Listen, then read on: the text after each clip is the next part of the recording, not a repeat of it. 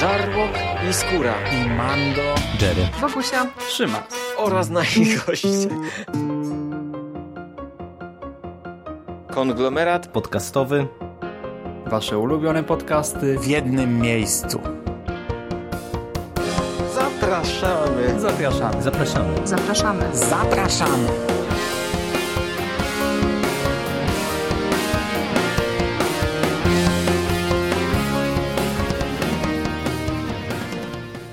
Witamy w konglomeracie podcastowym, czyli na platformie, która zbiera wszystkie Wasze ulubione podcasty w jednym miejscu. Ja nazywam się Michał Rakowicz i jest dzisiaj ze mną Hubert Spandowski. Mando, witam Cię Mando. Witam Ciebie również. I ten duet, jak to najczęściej bywa, będzie Wam opowiadał o Gwiezdnych Wojnach. Zabieramy się za świeżutki, niedawno wydany w Polsce Star Wars Comics, numer z kwietnia, który to przyniósł nam crossover, drugi crossover, który dostaliśmy w ramach magazynu. Wcześniejszy łączył serię Darth Vader oraz serię Star Wars. Tym razem no, Darth Vader już się zakończył i mamy crossover serii Star Wars oraz serii Doktor Afra, którą to serię omówiliśmy w poprzednim podcaście poświęconym magazynowi Star Wars Comics. Zanim przejdziemy jednak do zawartości bieżącego numeru, tradycyjnie Mando poproszę Cię o parę newsów, które spłynęły do nas, jeżeli chodzi o komiksy gwiezdnowojenne. Cóż tam słychać w świecie? No, niewiele, ale trzy rzeczy mamy. Po pierwsze, małe sprostowanie do ostatniego podcastu. My już wtedy wiedzieliśmy, że kolejnym numerem Star Wars Comics będzie Han Solo, ale gdybaliśmy sobie, kiedy to zostanie wydane, czy przed filmem, czy po filmie, czy może zmienią trochę ramówkę magazynu, no bo wiedzieliśmy, że rozjechały się legendy i w, na przykład w tym momencie dostaliśmy jednocześnie komiks z legend i ten komiks, który dzisiaj omawiamy, a to jednak zawsze było inaczej, zawsze było naprzemiennie, tak żeby w każdym miesiącu był jakiś komiks gwiezdnowojenny i my sobie wtedy gdybaliśmy, że pewnie przyspieszą, że pewnie zrobią tego Hanna Solo przed filmem. No w zasadzie w momencie, gdy skończyliśmy nagrywać jeszcze przed publikacją podcastu już wszystko było jasne, nie przyspieszą. E, odpowiedzieli mi na Facebooku z Egmontu, że to by było bez sensu, no skróciliby e, żywotność aktualnego numeru, musieliby o miesiąc, o połowę skrócić jego dostępność w kioskach, co, co, co pewnie odbiłoby się na sprzedaży. Natomiast dowiedzieliśmy się wtedy, że tak jak Star Wars Comics zostanie, będzie wydawany nadal dokładnie tak samo co dwa miesiące, tak legendy już może niekoniecznie. Możliwe, że ich częstotliwość się zmniejszy, także to się jeszcze będzie rozjeżdżać. Natomiast Han Solo ukaże się 7 czerwca, czyli no ile, ze dwa tygodnie po filmie, czyli jeszcze się załapie na ten szał taki popremierowy. Natomiast już znamy zawartość tego magazynu. Nie widziałem oficjalnych zapowiedzi, ale jest taki blog świat Star Wars blogspot.com, który prowadzi, zakładam, że jakiś młody człowiek, bo bardzo mu się chce i po, po, po jego zaangażowaniu tak wnioskuję, że, że, że to młody człowiek. No i on bardzo często dostaje jakieś informacje od wydawców i właśnie u niego znajdziemy dokładną rozpiskę, co ma się znaleźć w tym komiksie i okazuje się, że będzie to pięciozeszytówka Han Solo, czyli miniseria, a jak pięciozeszytówka, no to trzeba czymś uzupełnić. Też gdybaliśmy, czym to może zostać uzupełnione, okazuje się, że znajdzie się tam siódmy zeszyt Podamerona, który został pominięty w, w polskim wydaniu. On normalnie ukazałby się gdzieś tam później. To jest jakaś osobna, zamknięta historia oraz króciutki, jakiś humorystyczny komiks e, Droid Dilemma. E, to jest taki dodatek, który znalazł się w komiksie Star Wars e, w zeszycie 25. To był, to był trade, ten, który my trochę krytykowaliśmy o, o tym przejęciu Gwiezdnego Niszczyciela. Natomiast mhm. sam komiks, no to jest tak zupełnie co innego, jakiś dodatek, coś w stylu, wiesz, tego, co mieliśmy um, ostatnio o Triple Zero i o y, tym drugim y, zabójczym droidzie. No mhm. tylko, że tutaj jakiś humorystyczny, króciutki komiks. Także trzy komiksy w następnym magazynie Star Wars Comics. Rewelacja. No dla mnie to jest bardzo dobra wiadomość, tym bardziej, że świeżo przed nagraniem y, nagrywaliśmy w nieco innym składzie o komiksie Monstressa i przy tej okazji się zorientowałem, że Han Solo jest autorstwa Marjorie Liu, która y, jest także autorką właśnie Monstressy i, i mój optymizm tylko wzrósł, bo tamten komiks jest naprawdę świetny, więc liczę na to, że tutaj Han Solo to będzie naprawdę uczta, jak jeszcze dostajemy właśnie dodatkowe dwa komiksy, co zawsze jest mm, fajną rzeczą, no to ja naprawdę czekam z wypiekami na twarzy na to, co dostaniemy. Natomiast news z zagranicy jest taki, również dotyczy Hanna Solo, e, w tym przypadku bardziej filmu, że dostaniemy kolejną miniserię o Lando. Tydzień po premierze filmu Marvel wyda pierwszy zeszyt komiksu Lando Double or Nothing. Wydarzenia tego komiksu mają być ściśle powiązane z filmem. Na okładce widzimy postać Lando e, taką, jaką e, będziemy widzieć w filmie. I tak samo Soku jest ten z tym zabudowanym przodem, e, czyli bezpośrednio pod promocję filmu podpięty. Na chwilę obecną nie wiadomo, kto będzie rysownikiem tego komiksu, ale no, logo jest identyczne, jak wiesz, jak w tamtej starej miniserii mm, Orlando, którą tak bardzo chwaliliśmy. Oczywiście to będzie zupełnie inny komiks i też zupełnie inaczej narysowany, bo e, no już okładka nam sugeruje, że będzie mocno powiązany z filmem. Ja zresztą na to czekam, e, aż teraz zacznie w komiksach też przewijać się, wiesz, Han Solo e, trochę jak Harrison Ford wyglądający, mhm. trochę jak nowy aktor, żeby to wszystko tak, te, takiej spójności nabrało. No i mamy pierwszą taką cegiełkę, pierwszy komiks obudowujący nowy film. Także ja się również cieszę, przy czym no wątpię, żebyśmy go dostali w Polsce, ale kto wie, zobaczymy. No zobaczymy. No, mamy do czynienia z nowym filmem, więc kto wie. Co prawda teraz no, tam jest co wydawać w najbliższych e, miesiącach, więc no, na pewno szybko się go nie doczekamy. No ale ogólnie dla mnie to też jest ciekawostka i tak jak mówisz, no przede wszystkim fajnie, że e, dobudowują jakieś tam elementy do, do świata przedstawionego w filmie. Fajna ciekawostka. Natomiast na sam koniec taki drobiazg, rzecz, którą, która teraz mi się przed chwilą, zanim usiadłem do nagrania, rzuciła w oczy. E, Marvel zapowiedział 50. zeszyt serii Star Wars. E, dzisiaj zresztą będziemy omawiać część tej serii. On rozpocznie nowy cykl, który będzie się nazywał Hope Dice i ma połączyć e, Nową Nadzieję z Imperium Kontratakuje, czyli dochodzimy e, powoli w Stanach z tym komiksem, wchodzimy na kolejny, na kolejny szczebel jakiś, nie? Kończymy ten etap pomiędzy epizodami i e, będziemy przechodzić już poza Imperium Kontratakuje, czyli coś takiego jak kiedyś było w Marvelach. No, nie można bez końca uzupełniać tej jednej luki, trzeba iść dalej. W starych klasycznych Marvelach też przejechaliśmy przez całą klasyczną trylogię i okresy pomiędzy epizodami. Także powoli, powoli szykuje się no, nowa jakaś droga dla tych komiksów. No i teraz tak, y, możemy przejść do zawartości tego bieżącego numeru, a tutaj mamy dwa komiksy tak naprawdę. Po pierwsze mamy ten crossover, który zbierał nam zeszyty Star Wars 31 i 32, zeszyty Dr. Afry 7-8 oraz y, jakby to wprowadzenie Takiego one-shota. Tego... Dokładnie tak samo tak, jak tak. w e, Osaczonym Wejderze. Zaczęło się od większego one-shota, a potem e, dwie serie naprzemiennie leciały. Dokładnie tak. Za scenariusz odpowiadają ci panowie, którzy odpowiadają za poszczególne e, serie, czyli w przypadku Doktora Frey jest to Kieron Gillen, w przypadku Star Wars jest to Jason Aaron. Rysowników mamy aż trzech, ale to myślę, że przy poszczególnych segmentach o nich sobie porozmawiamy. Mm, I jako dodatek, no bo mm, sama Cytadela Grozy, czyli The Screaming Citadel, jak to w oryginale było zatytułowane, jest pięciozeszytówką, no to mamy y, komiks na dodatek. Y, niektórzy już krzyczeli i marudzili, że mm, doktor Afra miała pominięty jeden z zeszytów, który się ukazał chronologicznie mm, wcześniej w oryginale, czyli taki komiks zatytułowany Promotor. No i właśnie ten komiks dostajemy tutaj na dobitkę do Cytadel Grozy. Kolejna fajna rzecz. No i fabularnie, jak się to nam prezentuje. Jeżeli słuchaliście naszego podcastu albo czytaliście e, komiks Doktor Afra, no to pamiętacie zapewne, że tam e, Afra stała się posiadaczką pewnego artefaktu. Artefaktu e, Jedi, który no, jest w pewien sposób teraz zamknięty i Afra dowiaduje się, jak można go uruchomić, jak można posiąść wiedzę zawartą w tymże artefakcie.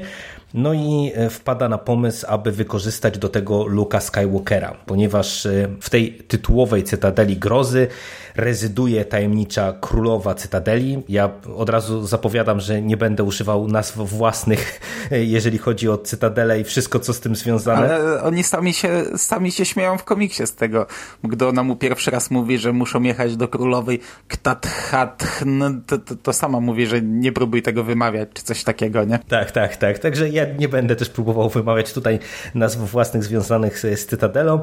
W każdym bądź razie mm, ta królowa Cytadeli, dosyć tajemnicza postać, ma taki zwyczaj, że raz w roku e, urobi ucztę, robi przyjęcie, wystawia przyjęcie, na którym mogą się pojawiać e, różne osoby, i jeżeli one zaoferują coś królowej, co ją zainteresuje, porwie, w jakiś sposób poruszy, no to ona spełni życzenie danej osoby. No i właśnie Afra ma taki pomysł, że pojawi się tam z Luke'em Skywalkerem, nie zdradza mu do końca swoich intencji, które oczywiście nie są kryształowo, kryształowo czyste, ale że właśnie ta obecność Luka y, być może pozwoli, że królowa jakby przychylnie spojrzy na naszych bohaterów, no i dzięki temu Afra dobierze się do artefaktu, a tym magnesem dla Luka jest to, co też y, jest cały czas eksplorowane w ramach tej serii, no czyli to, że on się cały czas boryka z mocą jako taką, no i y, tym magnesem, tym łakomym kąskiem jest to, że będzie mógł posiąść fragment wiedzy Jedi, no a, a dzięki temu stać się y, no, lepszym Jedi, no, czy, czy w ogóle nauczyć się co nieco więcej o mocy, no bo cały czas wiadomo, jeszcze nad mocą do końca nie panuje. No i oczywiście, jak łatwo można się domyślić, wszystko nie idzie tak, jak powinno iść zgodnie z planem, no i zaczynają się dziać y, przeróżne rzeczy. No i tak, jak ci się, y, Mando, ten komiks podobał? całościowo. No on w sumie chyba nie ma specjalnie pozytywnych e, recenzji. A jak to z tobą? No właśnie było? nastawiałem się raczej negatywnie, bo przynajmniej wśród znajomych słyszałem e, same nieprzychylne opinie. E, ostatnimi czasy Jason Aaron w ramach mm, tego uniwersum komiksowego też nas mm, nie rozpieszczał. No nie byliśmy zadowoleni. Tak naprawdę już, już od dosyć dawna e, mieliśmy ten komiks o tym superniszczycielu, potem e, tajna misja Mistrza Jody, która była katastrofalnym mhm. komiksem jak dla mnie. Trochę obawialiśmy się, że w Cytadeli Grozy będzie kontynuacja tego pomysłu. No na szczęście nie. To, to można w ogóle na starcie powiedzieć powiedzieć, że ten komiks jest całkowicie oderwany od serii Star Wars. E, nie trzeba znać w ogóle nic z tych pierwszych tomów. E, tutaj po prostu pojawiają się bohaterowie Luke, Han i Leia. Z Afrom jest troszkę powiązany, e, no ale pewnie też bez problemu dałoby się go przeczytać bez znajomości tego pierwszego tomu. No jedyny, jedyny fakt to ten właśnie artefakt, który ona zdobyła w tym pierwszym tomie. I no ty mnie trochę uspokoiłeś przed lekturą, bo przeczytałeś jako pierwszy i powiedziałeś, że to jest po prostu taki trochę B-klasowy horror. E, a ja bardzo lubię takie połączenia w Gwiezdnych Wojnach, nawet jeśli one wychodzą tak naprawdę źle. No ja sobie zdaję sprawę, że to jest w wielu miejscach tandetne i w wielu miejscach trochę pojechane, to ja lubię takie połączenia i ogólnie przy Cytadeli Grozy bawiłem się nieźle. To ma fajny klimat. E, ta cała Cytadela znajduje się tak, na takiej deszczowej planecie, gdzie widzimy tych mieszkańców mieszkańców, którzy są jak zombie, e, jakoś opętani przez coś. Potem mamy to przyjęcie takie u królowej, które jest i, i potem wiesz, ona wszystkich wyprasza, zostaje sam Luke i Afra. Trochę to mi się kojarzyło z Drakulą, jak, jak, jak Jonathan Harker dostał tam na noc pierwszy raz ci, ci pomocnicy e, tej całej królowej, to tak, tacy trochę cenobici, tylko że wyglądający zupełnie inaczej, ale bardzo mi się kojarzyli e, z cenobitami, a do tego dochodzą tu jakieś, wiesz, jakieś symbionty, takie krabo, pająki dziwaczne, jakieś przejmowanie ciał, to jest naprawdę pomysłów bez liku pojechanych, ale ja się bawiłem na tym nieźle. Tam w końcówce trochę, trochę, trochę już przeginali, y, ale uważam, że to jest tak, tak, jeśli mam na samym początku w miarę podsumować, że to jest jeden z fajniejszych komiksów, jakie, jakie ostatnio dostałem z, z tego głównego nurtu Star Wars. Jakbyśmy nagrywali YouTube'a i byśmy się widzieli, to, to byś widział, że ja się e, dosyć szeroko uśmiecham pod nosem, bo miałem bardzo podobne skojarzenia. Jak wymieniłeś Drakulę i Cenobitów, to są rzeczy, które ja miałem w notatkach, e, żeby e, też powiedzieć, bo to są faktycznie takie nawiązania i fabularne, i wizualne z jednej strony. Ja bym dodał jeszcze jeden element, który też mi się bardzo mocno kojarzył od strony tej fabularnej, czyli Indiana Jones i Świątynia Zagłady. Tutaj mamy mm -hmm, dużo no, wątków, no, no, które no, z, z, z, tamtym e, filmem mi się kojarzą. Mamy właśnie e, tych mieszkańców tej wioski, e, których, o których ty wspomniałeś. Mamy tutaj też pewne nawiązania związane z tymi symbiontami, czyli, czyli tymi właśnie jakoś krabopająkami, które na swój sposób opętują ludzi i to tak dalej. To jest taki tak motyw często wykorzystywany gdzieś tam w horrorach. Nie wiem, był Władca Marionetek, ale nie ten Władca Marionetek z laleczkami, tylko taki z Donaldem Sutherlandem film. E, kiedyś przypadkiem na niego do kina poszedłem, to właśnie o takich jakichś insektach, co się gdzieś tam zaczepiają na szyi i przejmują władzę nad, nad ciałem. No to jest motyw wykorzystywany do bólu w filmach, a tutaj mamy w Gwiezdnych Wojnach frajda. Tak, tak. I tutaj y, ja naprawdę się zaskakująco dobrze na tym bawiłem. Ja nie wiem, czy to jest kwestia tego, że obniżyliśmy sobie poprzeczkę, ale wydaje mi się, że no też trochę nie. jesteśmy, wiesz, innym odbiorcą, mam wrażenie. Jednak miks y, taniego horroru i Gwiezdnych Wojen nie trafia za bardzo do odbiorców Gwiezdnych Wojen, a my jesteśmy jednak bardziej odbiorcą taniego horroru. No, to, to, to też może być y, coś na rzeczy, bo właśnie faktycznie tutaj ten horrorowy sznyt tej opowieści wydaje mi się, że on jest najważniejszy i dla mnie był najciekawszym. Ja się przyznam, że chyba aż tak wprost odniesień do horroru w Gwiezdnych Wojnach ja nie miałem. Ty recenzowałeś e, książkę, chociażby tam o tych szturmowcach, no, dwie części o zombie. jakiś tam zombie Teraz czy coś te młodzieżówki czytałem e, Galaxy of Fear, także, no, także no trochę właśnie, tam więc, więc to już trochę, trochę z tym miałeś do czynienia. Dla mnie to było pierwsze takie spotkanie i to kurczę, było fajne. No, naprawdę, to oczywiście ja rozumiem, że do kogoś może to nie trafiać, bo, bo tutaj naprawdę momentami y, jest niezły pasztet, bo tutaj przecież do tych y, horrorów, właśnie do tych jakichś y, energetycznych wampirów, do tych symbiontów, to jeszcze mamy jakieś właśnie te droidy, te jakieś mechy, które ich tam atakują i tak dalej, i tak dalej. No tutaj jest naprawdę pomysłów bez liku, ale całościowo wydaje mi się, że tutaj scenarzyści naprawdę sobie nieźle z rozpisaniem całej tej historii poradzili. I też to, co dla mnie było y, fajną rzeczą, to tak jak ja chwaliłem y, ten pierwszy cross, y, czyli osaczonego Vadera, tak tutaj też nieźle wypadło w mojej ocenie to połączenie tych serii, bo mamy Afrę, która jest fajna w tym komiksie. Ona przechodzi pewną tutaj mhm. przemianę i tak naprawdę jak powiedziałeś, że Star Wars, y, seria Star Wars, ona jest troszeczkę mm, można powiedzieć, nieistotna z punktu widzenia tego komiksu, czy wydarzenia z tych wcześniejszych komiksów nie są istotne, to mi się wydaje, że nawet z perspektywy przyszłości to też ta Cytadela Grozy pewnie jakieś reperkusje czy echa y, będziemy widzieli w tych kolejnych y, zeszytach podstawowej serii, ale dla Afry to jest zdecydowanie ważniejszy komiks, a ten cross gra na dwóch płaszczyznach jeszcze dla mnie nieźle, na których też właśnie się sprawdzał moim zdaniem osaczony Vader. Po pierwsze akcja, bo tutaj naprawdę akcji mamy bardzo dużo, ale to jest y, dobrze prowadzone. Tutaj właśnie mm, te elementy y, rodem z różnego rodzaju horrorów, które dostajemy są dobrze prowadzone i od strony fabularnej, i od strony wizualnej, bo tutaj naprawdę całościowo widać, że też mieli twórcy parę fajnych pomysłów, jak to ten horror nam zaprezentować. No horror to jest w sumie taka sztuka, która aż się prosi, żeby wizualnie trochę tam z nią pojechać i to było niezłe. A dwa, humor. Bo ja nie wiem, o tym my dyskutowaliśmy już wielokrotnie, że mamy przecież te złe droidy, które teoretycznie one się na, powinny nam znudzić, a nie miałeś wrażenia, że tutaj yy, i Gillen trochę, i, yy, inne trochę żarty Tak, są. dokładnie, że oni to zupełnie w innym kierunku poprowadzili, że mm -hmm. nagle się okazało, to że... Oni bardziej byli jako komentatorzy tego, co się dzieje, czasami podsumowujący jakimś jednym zdaniem, a niekoniecznie, wiesz, sprowadzającym y, swoją wypowiedź do tego, że chcemy pozabijać, torturować. To też oczywiście jest, no bo, bo te postacie mają to wpisane w swój charakter, ale bardzo często po prostu coś, coś komentują, jakimś, jakimś jed, jedną ripostą puentują y, jakąś scenę i ja się ten uchachałem nieźle. No dokładnie, a wiesz, jeszcze to fajnie grają te y, złe roboty z postaciami wnanymi z serii Star Wars, no bo oni jednak głównie funkcjonowali przecież albo na tle Afry, albo na tle Vadera i, i w tamtych seriach, a tutaj nagle mamy ten cross postaci, nagle ten czarny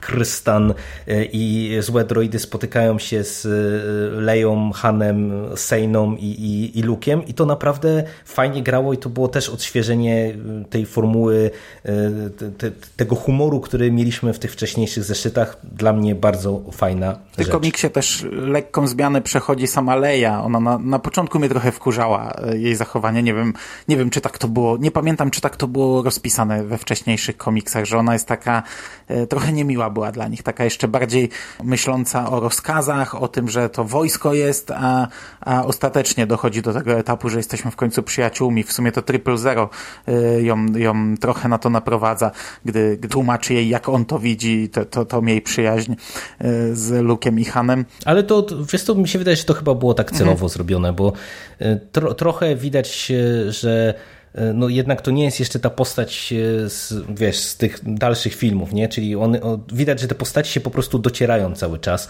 i też w kontekście tego to całkiem nieźle mi tu ta Sejna grała i jej wątek z Afrą no, no. też wydaje mi się, że był całkiem wydaje mi się, że kiedyś poprowadzony, chyba, zaskakująco. Chyba, nie wiem, czy to krytykowaliśmy, ale stawiam, że tak, bo, bo, bo, często na siłę wciskane wątki homoseksualne źle zrobione jakoś tam krytykujemy, a tutaj było to ok. Dokładnie tak, całkiem, całkiem nieźle i to też z tego punktu widzenia to, to jest taki kolejny element, o którym ja mówię, że pewnie z perspektywy tej solowej serii z Afrą, no to będzie pewnie miało większe znaczenie i, i być może będzie to dalej eksplorowane kolejny dla mnie plusik tego, tego komiksu. To, co mówię, że pojechane rzeczy, to wiesz, mi nie przeszkadzały tam te, te, te wszystkie motywy horrorowe, y, których tu jest bez liku, ale w końcówce, gdy już, nie wiem, nasi główni bohaterowie zostają przejęci przez, przez to całe robactwo, no to momentami ja już naprawdę tak mhm. te, y, z uśmiechem na ustach łapałem się za głowę, jak widziałem, wiesz, Hanna Solo biegającego w tej zbroi i prowadzącego armię jakichś tam dziwacznych, y, mechanicznych żołnierzy. No, no, to już było trochę. No, ale wiesz co, ja akurat tak się, mówię, do siebie uśmiechnąłem, jak e, spojrzałem na Hanna, bo dla mnie to była scena żywcem wyjęta właśnie ze Świątyni Zagłady, jak on tam stoi i ma, wiesz, opuścić aha, tę klatkę. No, dla mnie to było takie nawiązanie do, do, do tego, co tam mieliśmy i w sumie mi to jakoś tam zagrało.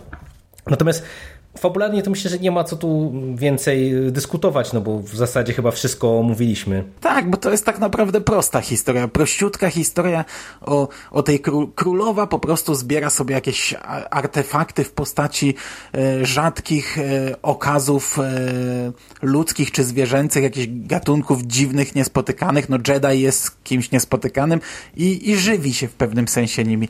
No to też jest takie dziwaczne, niegwiezdnowojenne, jak on jest przy przyczepiony do jakiegoś fotela, ma maskę taką gazową, jakieś rury mhm. odchodzą w buteleczce, zbiera się jakaś esencja, ona wdycha ją i taki niebieski dym wydycha, żywi się nim tak jakby i, i to jest sprowadzone w zasadzie do tego i do walki, żeby się stamtąd wyrwać. Natomiast jest masa, właśnie masa takich motywów pojechanych i ja rozumiem, ja doskonale rozumiem, że to się ludziom może nie podobać, nie? Doskonale rozumiem, że my mamy bardzo skrajną opinię i odmienną o, o, od innych, no ale co zrobić, nie pierwszy raz. No, to prawda, nie pierwszy raz, a myślę, że to, że no, chociażby cenobici nam przyszli do głowy, no to już pokazuje, że my jesteśmy jednak pewnie nieco odmiennym odbiorcą tego komiksu od, od przeciętnego, bo myślę, że e, no jednak taki Hellraiser to, to nie jest chociażby taka seria horrorów, która e, jest szerzej znana, no i, i gdzieś tam pewnie ten trop właśnie taki horrorowy e, spowodował, że my jesteśmy kupieni. No ale y, fabuła to jest jedno, y, strona graficzna. Od razu cię zapytam, bo tak podprowadzając, jak przekartkowałem komiks, to ci napisałem prywatnie, że na pierwszy rzut oka y, rysunki są słabe. I teraz trochę będę musiał to odszczekać, ale powiedz mi, jak ci się to podobało? No bo tutaj mamy trzech rysowników. Pierwszy to jest Marco Cecotto, który jest rysownikiem tego mm, wprowadzenia y, do y, Cytadeli Jego Grozy. znamy, on ilustrował Rozbite Imperium. Pierwszy komiks, który się rozgrywał po szóstym epizodzie. Dokładnie tak. Później przejmuje pałeczka S- Salvador Laroca, który ilustruje większość Nie, pozostałych nie, nie, no, zeszytów. to nie on dwa trzy zeszyty, tu jest normalnie podzielone, tak jak, tak jak w ten. A, on robi widzisz, Star no Warsy, tak, to źle- a nowy mówię. rysownik robi Afrę. Po dwa zeszyty dokładnie. A to ja powiem e, później na, na koniec może e, dlaczego się dałem nabrać, że Laroca trzy zeszyty ilustrował. E, No i jak Ci się podobały te, te rysunki? Bo, bo tutaj widać faktycznie dosyć mocne przeskoki mam wrażenie. E, A ten trzeci rysownik, bo nie wspomniałeś, to jest Andrea Brocardo. I mnie ogólnie wszystkie trzy wizje tego komiksu podobały się bardzo i to naprawdę bardzo. Problem jest e, w tym taki, że one do siebie dość mocno nie pasują. I tak jak e, ten pierwszy rysownik od e, tego one-shota tworzy doskonały klimat, naprawdę tutaj zarówno rysunki, jak i kolorystyka. Kolorystyka tutaj jest kapitalna, paleta barw jest niesamowita i, i ten komiks wygląda przebajecznie. I gdy przechodzimy do Salvadora Laroki, to nie jest taka tragiczna zmiana, to nie jest taka gigantyczna zmiana. E, Salvador Laroca, no jeśli ktoś go lubi, no to będzie go lubił nadal. E, Znam osoby, które, które, które go nie lubią, no, no, no i pewnie to, to będzie kolejny element, który w tym komiksie wpłynie na minus. E, No dla mnie nie, dla mnie absolutnie nie. Ja, ja bardzo lubię jego rysunki. Natomiast gdy przechodzimy do e, zeszytów Doktor Afry, to jest gigantyczna zmiana, bo on, te rysunki są takie bardzo kreskówkowe, bardzo kartunowe. Brocardo rysował również Keinana, niewydanego w Polsce. E, Mnie one się bardzo podobają, ale to jest e, w pierwszym momencie naprawdę poczułem się e, bardzo dziwnie, wiesz, wpływa to bardzo mocno na niespójność wizualną tego komiksu, ale to, to nie jest coś, co mi jakoś szalenie przeszkadza w crossoverach. No ja mam w sumie podobną opinię, przy czym tutaj trochę Larokę ja bym chciał jednak in minus wyróżnić, bo mam wrażenie, że jakoś się niespecjalnie tu postarał. Momentami takie są drobiazgi, że momentami też miałem takie, takie, ale to dosłownie momentami miałem takie wrażenie. Ja miałem z nim momentami problem, szczególnie jak on rysował Afrę. Ogólnie wiesz, to, to nie są złe rysunki, ale po prostu jakoś y, najgorzej je oceniam z całości komiksu, bo to, co powiedziałem, że będę musiał odszczekać, to właśnie jest ten pierwszy zeszyt. On jest rewelacyjnie y, naprawdę narysowany i ten klimat tej planety, y, jak y, pojawia się ta cytadela i ta końcówka tego komiksu, to co ja powiedziałem, że właśnie twórcy mieli parę patentów na to, jak y, to wizualnie zrobić, no to przecież ostatnie trzy strony y, tego komiksu w zasadzie są bez dialogów, tylko wiesz, to jest je- parę kadrów i to wypada doskonale. I to jest w sumie ciekawe, bo ja aż tak dobrze nie oceniałem z tego, co pamiętam rysunków w tym poprzednim komiksie Rozbite Imperium, ale ogólnie naprawdę te, ta część komiksu jest świetna wizualnie. Laroka tak sobie, wydaje mi się, że lekko in minus w stosunku do tego, mm, czego ja go kojarzę, natomiast ten trzeci rysownik do mnie te rysunki trafiają i ja nawet w tej chwili, jak to przeglądam, to e, powiedziałem, że skomentuję, dlaczego się dałem nabrać, że Laroka e, rysował trzy zeszyty, ale w sumie to nie wiem, dlaczego się dałem nabrać. Jestem frajerem, bo teraz jak przeglądam ten e, pierwszy zeszyt narysowany przez tego Brocardo, to to się też faktycznie bardzo mocno wybija, ale jakoś ja dopiero tę różnicę pomiędzy Laroką a, a nim tak bardzo mocno odczułem w tym ostatnim zeszycie Afry, ale to też dlatego, że on jest zupełnie inaczej kolorystycznie Ale poprowadzony. też Tam dlatego, jest że jest pojechany, takich- tam jest ta cała walka Luka z królową, taka walka umysłowa, Tak, trochę tak, białe tak, tak, tła, tak, duże no. zieleni, tak, w takie kwadraciki się zamienia ta królowa i tło z nią związane. No i właśnie, nie, nie wiem, jakoś tutaj dopiero tę zmianę tak bardzo mocno odczułem i też nawet mam wrażenie, że w stosunku do tego pierwszego zeszytu to już te postaci też troszeczkę inaczej są rysowane, Ale nie, ogólnie y, ja oceniam te rysunki bardzo spoko, tym bardziej, że y, znów mamy y, crossover pełen akcji, tak jak powiedzieliśmy i też to wypada w mojej ocenie dobrze, wszystko ładnie wygląda i właśnie nawet te pojechane pomysły dobrze grają od tej strony wizualnej, co jest no co jest dobrą rzeczą, no bo jednak to też ja, ja, lubię, jak ta akcja jest y, dobrze zaprezentowana i też to, co jest istotne, to właśnie ta konsekwentna zabawa kolorystyką y, w tych komiksach, no bo jednak ta królowa i wszystko, co z nią związane, wiesz, mamy tych dużo intensywnych takich barw, jakichś tam czerwonych, różowych i, y, i tak dalej, i tak dalej fajnie to mhm, naprawdę to, to pod jest, tym kątem się prezentuje. Jest tak właśnie kolorystycznie. Planeta,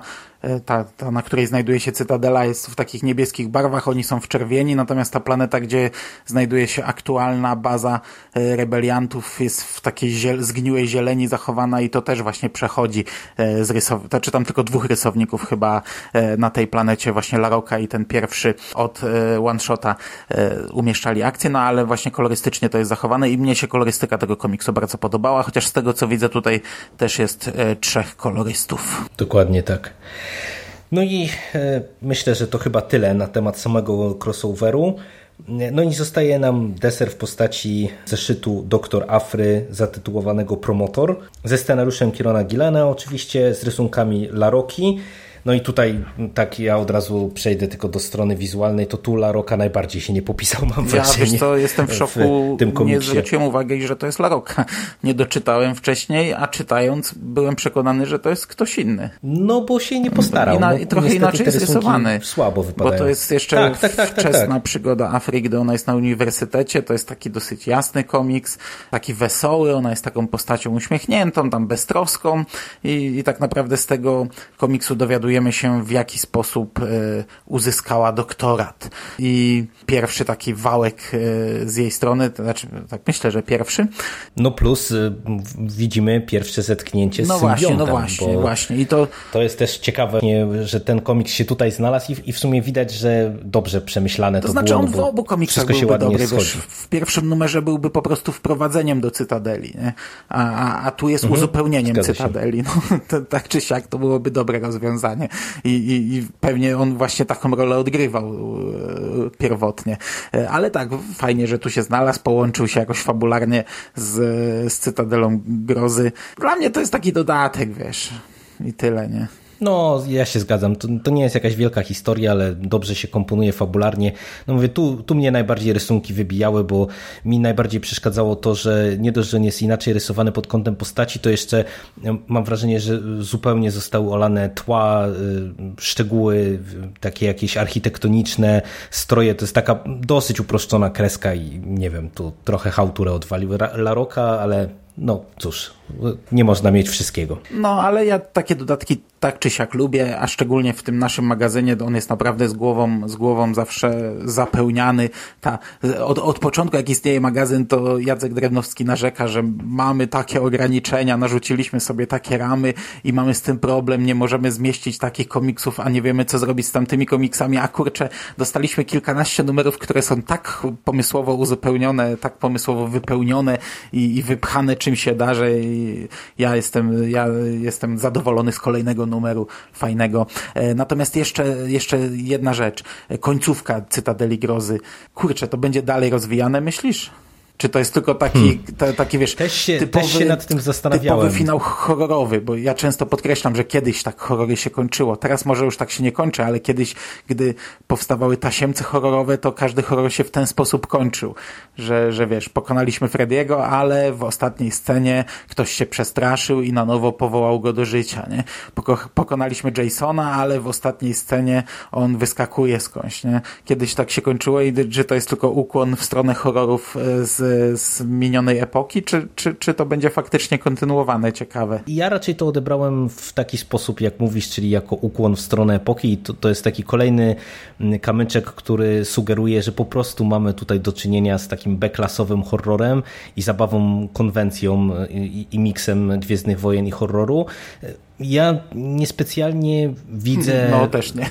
jak to można by było y, sensownie kontynuować, no bo wiesz, jednak ta postać tej królowej i, i tych wszystkich jej pobratymców, y, no to jest rzecz bardzo specyficzna. No taka jednorazowa, raczej... jednorazowy strzał.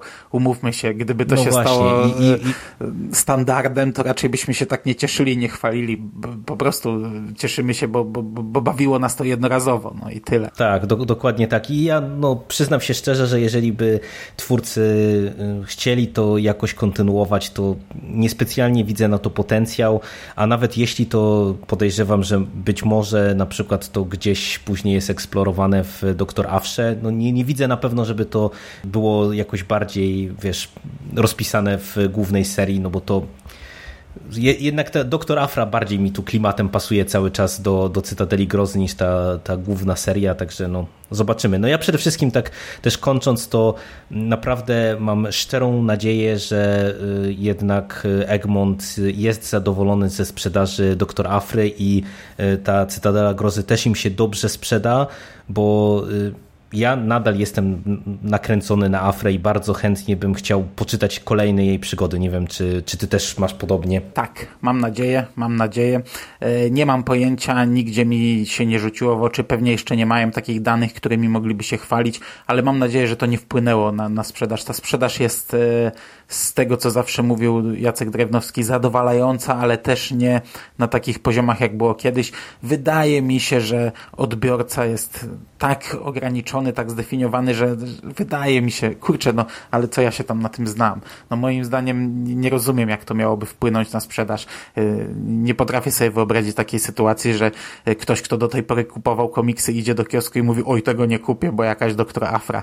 Yy, No mam nadzieję, że, że, że mam rację. No, czyli myślę, że mamy wszystko w temacie. Nie po raz pierwszy mamy nieco odmienną opinię od e, ogółu e, recenzentów Też e, wyjątkowo na plus, sieci. wyjątkowo pozytywnie. Tak, wyjątkowo na plus. Do, dokładnie tak, wyjątkowo pozytywnie. Tak jak mieliście okazję usłyszeć, jesteśmy ukontentowani. Ja się tutaj z Tobą zgadzam, że nawet z perspektywy właśnie tej głównej serii Star Wars to jest jeden z lepszych komiksów, które w ostatnim czasie dostaliśmy w magazynie. No i miejmy nadzieję, że te kolejne numery e, będą nam serwowały kolejne świetne historie. Ostrzymy sobie zęby na Hanna Solo i na film, i na komiks. A No na właśnie. dzisiaj to chyba by było No tyle. właśnie, już niedługo, za trochę ponad miesiąc, pewnie w Poznaniu, chociaż planowałem do Wrocławia w tym, ale w tym, w, w tym przypadku, ale nie, raczej nie przejdzie. Pewnie znów obejrzymy wspólnie. Potem komiks Han Solo, a podobno w nowych legendach, w nowym Darcie Vaderze jest gdzieś tam zapowiedź, że bardzo szybko chcą ruszyć z e, serią Darth Vader e, w ramach e, magazynu Star Wars Comics, z tą kolejną serią Darth Vader, także nie zdziwię się, jak za chwilę dostaniemy zapowiedź, że czwarty numer z 2018 roku to będzie Darth Vader. Ja będę zadowolony. Bo bardzo chciałbym sprawdzić Ja ten również, komiks. ja również, tym bardziej, że przecież ta seria też z tego co słychać zgarnia póki co bardzo No to dobre oceny, e, więc powinniśmy być zaniepokojeni, bo jak zgarnia bardzo dobre, to, to dwaj No, zgryźliwi tetrycy mogą marudzić. tak czy siak polecamy e, ten numer z magazynu Star Wars Comics i zapraszamy na kolejne podcasty, bo e, wygląda na to, że o Gwiezdnych Wojnach będzie w najbliższym czasie znowu u nas dużo. Dzięki Ci Mando tymczasem za dzisiejsze nagranie. Dziękuję Ci również. Dziękujemy słuchaczom i do usłyszenia w przyszłości. Cześć. Cześć.